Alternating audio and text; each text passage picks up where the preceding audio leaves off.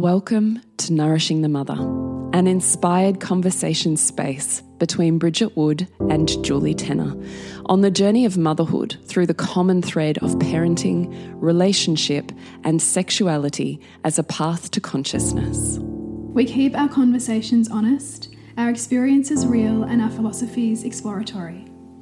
We believe that in order to raise incredible humans, we first have to raise ourselves. We know that in order to rock the family, you've got to nourish the mother.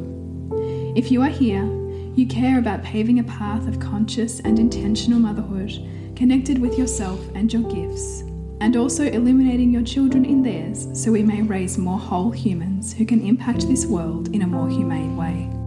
If you desire to integrate your learnings practically and supportively, head on over to bridgetwood.life or julietenner.love to go deeper. And for all live streamed, pre release podcasts and all our free content, head over to our free Facebook group, Nourishing the Mother with Bridget Wood and Julie Tenner.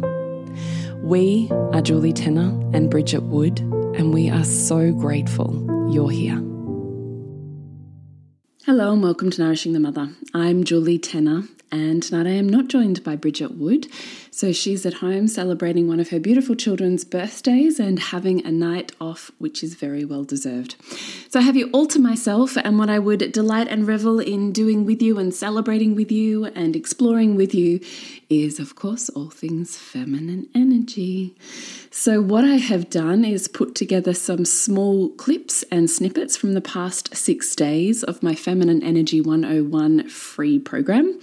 It's called Seen, Felt, known, which is exactly the purpose of the content to have you seeing all of the blocks you have to feeling seen, felt, and known, and having all of the tools that you need towards being seen, felt, and known by your lover, by yourself, by the world, however that applies to you in being seen, felt, and known. So I've curated six snippets from the six different days, and if you would love to join, you most certainly can, and you will be emailed all of the replays, which are nine days of feminine energy exploration. And you can find out more at julietenner.love forward slash seen. And I hope you get something really nourishing and beautiful and a little one practice one thing to tuck away and carry forwards with you from this podcast. Thanks for listening. We could also look at this in terms of masculine fem or masculine and feminine. I will actually just quickly give you a note on the words. If you've been in my spaces for a while, you'll be very comfortable and familiar with this, so I will make it brief. I don't herald that we need to stick to masculine and feminine, and I do believe that those words can be harmful for some people. So let go of the words masculine and feminine. If that does not feel aligned for you, it makes no difference what word you use. What I'm asking you to do is find something that you can identify with that feels super meaningful, that describes a way of being that is in your mask and a way of being that is in your fem. So I use mask and fem because that is what I identify with. Masculine and feminine have too much, um, they're colonialized language and they have too many. Um, overlays and attachments of harm and suppression. So, for me, identifying as a queer and polyamorous human in a heterosexual 20 year long relationship, masc and fem feel better. So, I use that. My husband can't identify with masc and fem, so he uses giver and receiver. So, if I'm talking to him about these aspects of self, I'll use his language. I've had plenty of people and couples in my spaces that use all sorts of things top and bottom, ocean and rock, yin and yang, masc and fem, it doesn't matter. So, for the purpose of here, I'm using language that uh, everybody has an awareness of at the moment, which is masculine and feminine. But please know that I will be interchanging those with starting to alter the language that perhaps you are used to or comfortable with. All right. So, why do I always want to have a foot in my own camp? I always want to have a foot in knowing where I'm at because that is actually what keeps me safe. Can I just surrender open and trust open to the world if I'm not in touch with where I'm at in my body? No. Is the entire of the world safe? Is the entire, the, all of the humans that I'm around safe? No. So when we come to talking about and throwing around language such as surrender and trust open, I want you to be more skillful and discerning than picking up on language that doesn't have an underpinning of depth. And I see that happen too much, particularly in tantric spaces. So, to be able to surrender, to be able to trust, to be able to let go, does not actually require someone outside of you or the moment being trustable and safe because you can't know that for sure. What it requires is that I can trust me, I can trust my body. I am well practiced at being able to receive what my body is telling me because the body doesn't lie. And I can interpret those signals and I can then maneuver myself to keep myself safe. I've been asked many times with children and sexuality, particularly for our daughters, is, you know, what do you need to teach them so they stay safe? You need to teach them connection with their body. Because it is in listening to this and not overriding it, not coercing it, not switching it off entirely in favor of this that keeps them safe. When their body says go left instead of right, when they go, ooh, this person's not okay, and ah, this person feels all right. Because they are practiced at returning and reorienting to their body. It is still the same for us as adults walking around the world. We have to be able to trust ourselves so that we're able to create a safety net, net, net to kind of free fall into when we're trusting another. Right? And all the feminine, all of us wants is to know that when we let go, someone else has got us. So there's a whole lot of steps we do in creating safety in order to be able to do that. But step one is here, having a foot in knowing where I'm at so that I can trust myself. Right? You can't let go in sexuality, in orgasms, in relationship, in life, unless you are practiced at trusting this. Okay? So I want you to always remember that no one opens you. You trust you enough to know I've got me and I can open yeah, this person, this space, this environment might set up some beautiful structures in which that is more easeful for you to do. But someone else does not open you. We come from, from generations and lineages of women who lived in patriarchal societies that required that ma- the majority of her focus be devoted to how appealing she is, how beautiful she is, how tidy, how kempt, how put together. What a prize. Sometimes how that beauty could get you into trouble. Beauty is unsafe sometimes how we've learned how to hide our beauty because we can be beautiful, but not too beautiful, because then what happens? People pervert that beauty, they grab at it in ways that you're unprepared and feel unsafe for. Perhaps you're judged or lose friends as women are pitted against women as a way to separate us from community because it's in community when women gather together that they raise consciousness and they raise power together.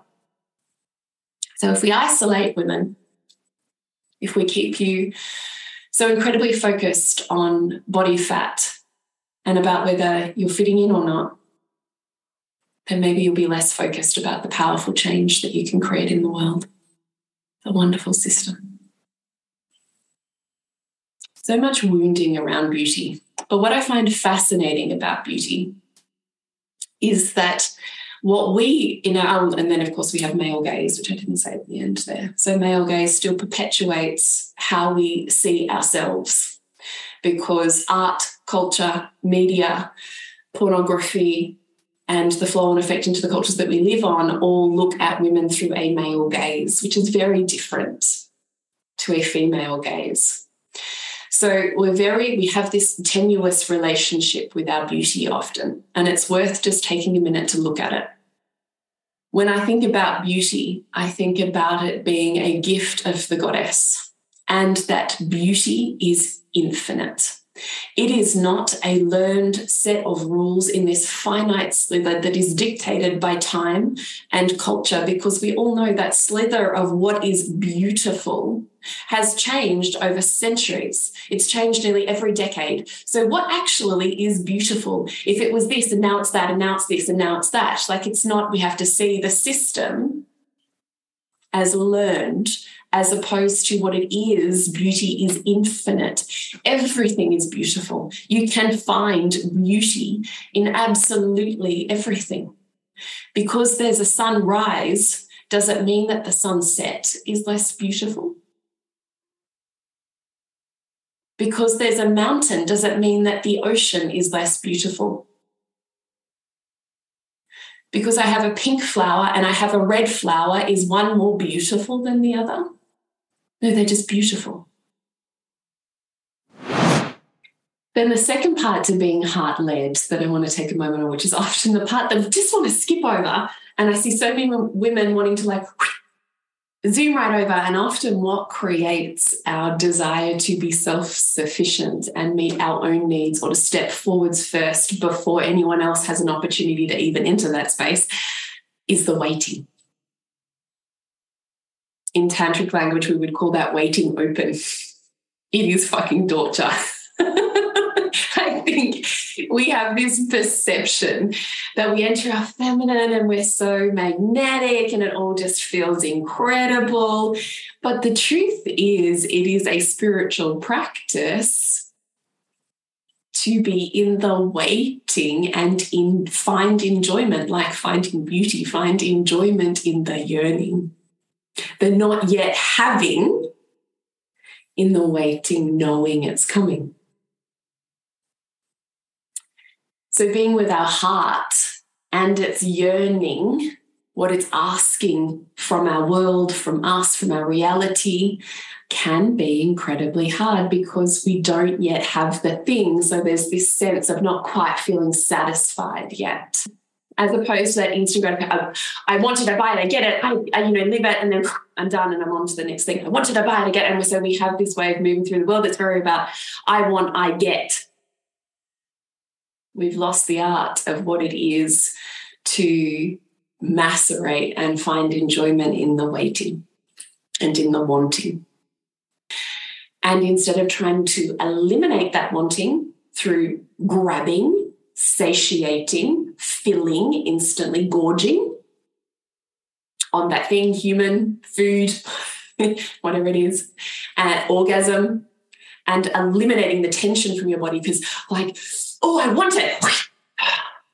Now I don't have to feel intention anymore. That's the masculine. Versus the feminine that's like, oh, hello, energy. Oh, more energy what happens when I spread it and it goes further? Right? The wanting and the building of desire is the juice of life. The other reason it's really hard is because when we feel desire for something, and that can be read as jealousy or, you know, as that like pout that I don't have that experience from my partner or my life right now. Often, what can happen is that we are trying in this work to focus on being an energetic match for the reality that we have. But when we see the thing we don't have, we're actually focused on the not having it. So our energy and attention is focused on the missing piece. It's focused on what I don't have right now. And the law of attraction doesn't pick and choose. It's not like the law of attraction only works when it's good things and doesn't work when it's bad things. The law of attraction is fairly neutral. It just mirrors back and gives you whatever you want. And it thinks what you want is what you're focused on. And what you're focused on right now is the fact that you don't have the thing. This episode is brought to you by our current offerings we have out in the world. So, for me, Bridget, it is Disrupt Revealing the Mother Wound. So, it is a beautiful container of women coming together to transform the imprints that we have, have and carry around our own mother and the broader motherhood as a social construct so that we have a lot more agency and free will in how we show up as mothers. So, find out more at bridgetwood.life. And if you would love to dive into opening your feminine energy, then I have a beautiful nine days of super simple shifts to change your life and your relationship to your own fem or feminine energy. Starting August 10, it's nine days, nine lives, which you can join live or catch the replays of. And it's called Seen, Felt, Known Feminine Energy 101. And you can find out more at julietenner.love forward slash seen just like beauty, it is an amplification of the message or the energy or whatever you want it to be. Right. And we know this because we can put on a particular banging outfit and we feel amplified. And the way that we enter that dinner, that party, that wedding is amplified. Right we can feel sexy and saucy, and then we put on that thing and we feel even sexier and saucier. Or we can put on that thing and we can completely dull or dim the light, feel invisible, dowdy, unseen, and undesired. Both just tell you there's a dial. And the feminine within all of us is exquisitely sensitive to that nuance that a masculine being is not right? You could sit there at your wardrobe going, oh, nothing to wear. And your masculine partner's like, you have an entire wardrobe. Just pick one thing. And you're like, it's nothing. Just pick this one.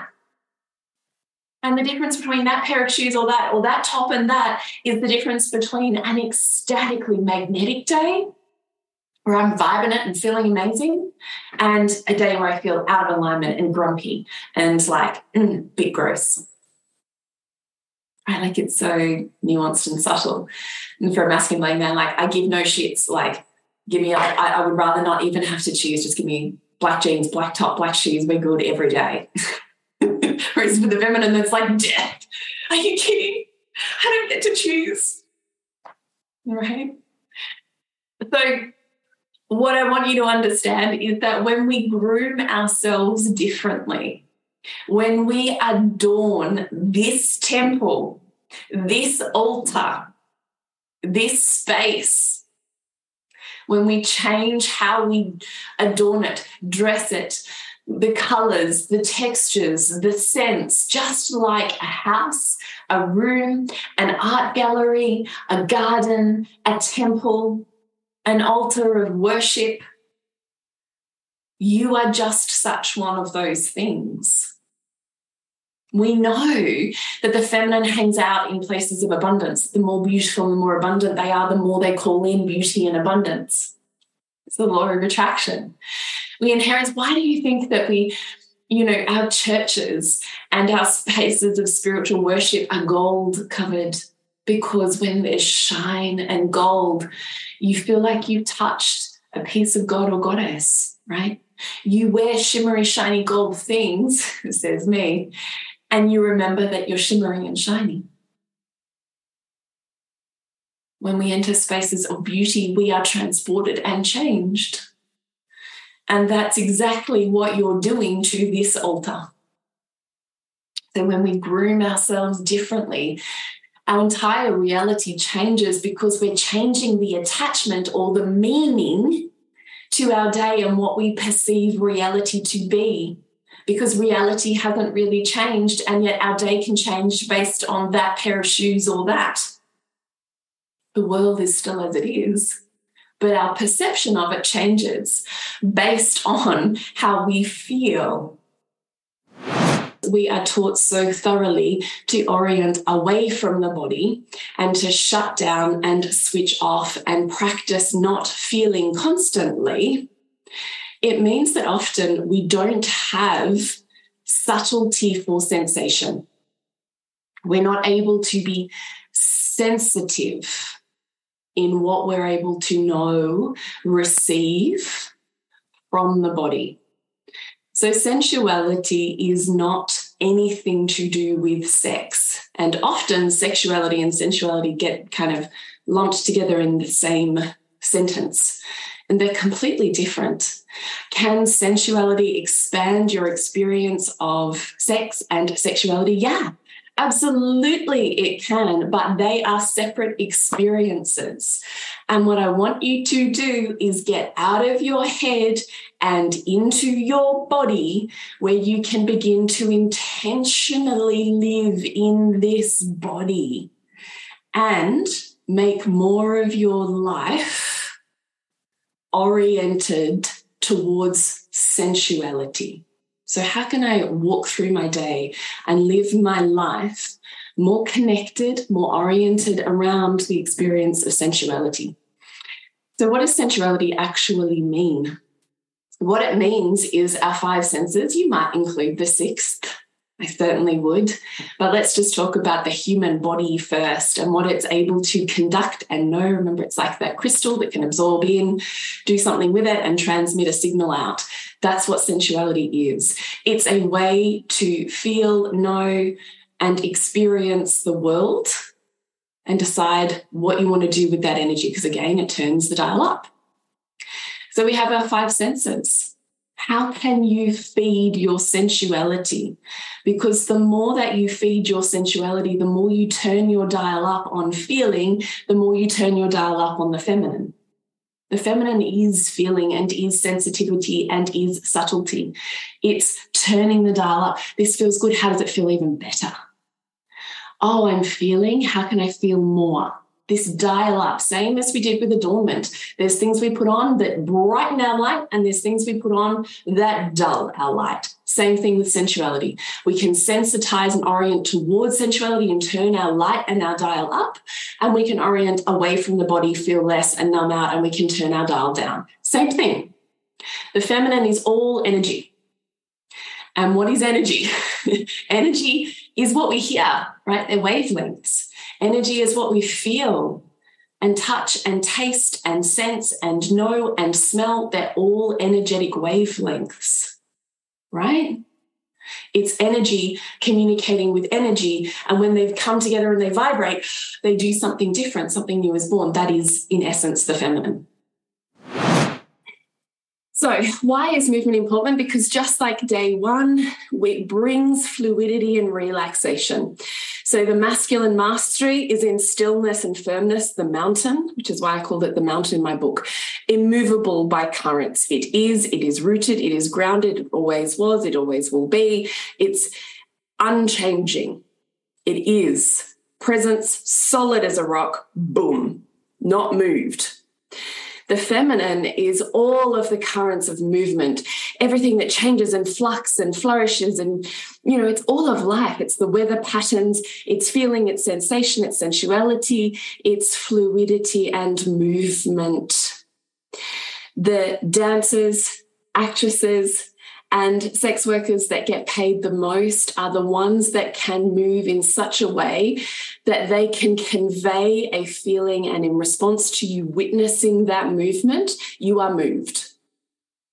So, the feminine principle within all of us requires movement in order to feel connected and alive and let muscles ripple and show the effect of whatever it is it's feeling, as opposed to the mountain that can seize it all up and close it all up, and it's the still pond, and you have no idea what's happening underneath that glass surface. The feminine is very transparent in what I feel is what I am, is what you can see and touch and feel and know, and there's a sense of truth and safety in that. So, movement can also be part of creating the art of invitation. So, be a, being a magnetic match to drawing towards you, being the beacon of desire or energy that gets noticed, the space that someone feels relaxed around. If your body is relaxed, people feel relaxed around you. If your body is tight and in tension and walled up, people feel tight in tension and walled up around you. Our bodies communicate stronger than our words. So, always being aware, this is why we have a foot in our camp, always so that we know where we're at. And then the next step from there is to focus on what we call the feminine pole. So, this is the part of you that penetrates into the world. It's the part that has the biggest magnetic current for a feminine being. And focusing on this whole area. So, throat, decolletage, breasts, nipples, bottom of the rib cage, this whole area like a beautiful, bright light balloon.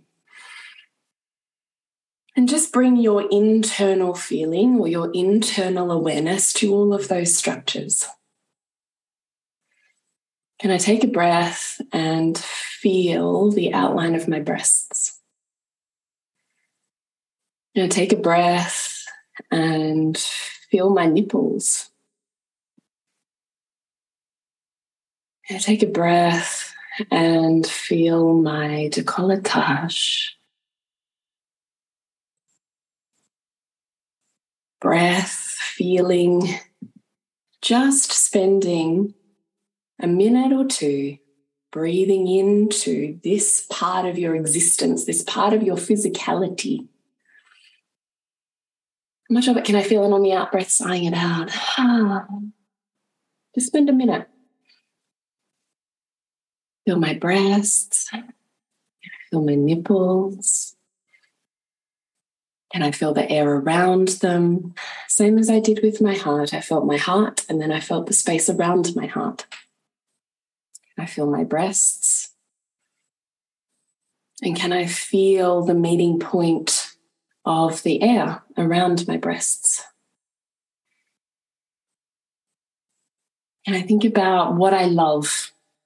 We're talking about our environment, seeing beauty, feeling beauty, adornment, knowing the light and the love that I am, what I love, what opens my heart. Can I feel that grace in my heart? So, I hope you enjoyed that little exploration into feminine energy and what it's like and how it might apply to you and what you might like to consider in terms of flowing more and incorporating more relaxation into your physical body, mind, and heart, into what it is to explore your own sense of beauty as a blessing and adornment as a way of turning up your dial or down your light exploring what it is to be heart led, to be sensual and explore your sensuality and your movement. And there's more coming up in the next few days. So if you would love to have all of that and more emailed to you, you can find out more at julietenner.love forward slash seen. You can connect with Bridget at bridgetwood.life. Remember to nourish the woman, to rock the family and we'll see you next week when we continue to peel back the layers on your mothering journey. Thank you so much for listening. We literally couldn't do this without you. Please share this podcast with anyone you think it would be medicine for. If you desire to integrate your learnings practically and supportively into your life, then head on over to bridgetwood.life or julietenner.love to go deeper. And if you feel like giving back a little to this free content, please rate us on iTunes or Facebook, all of which helps the podcast reach more mamas who need this type of tonic for the soul.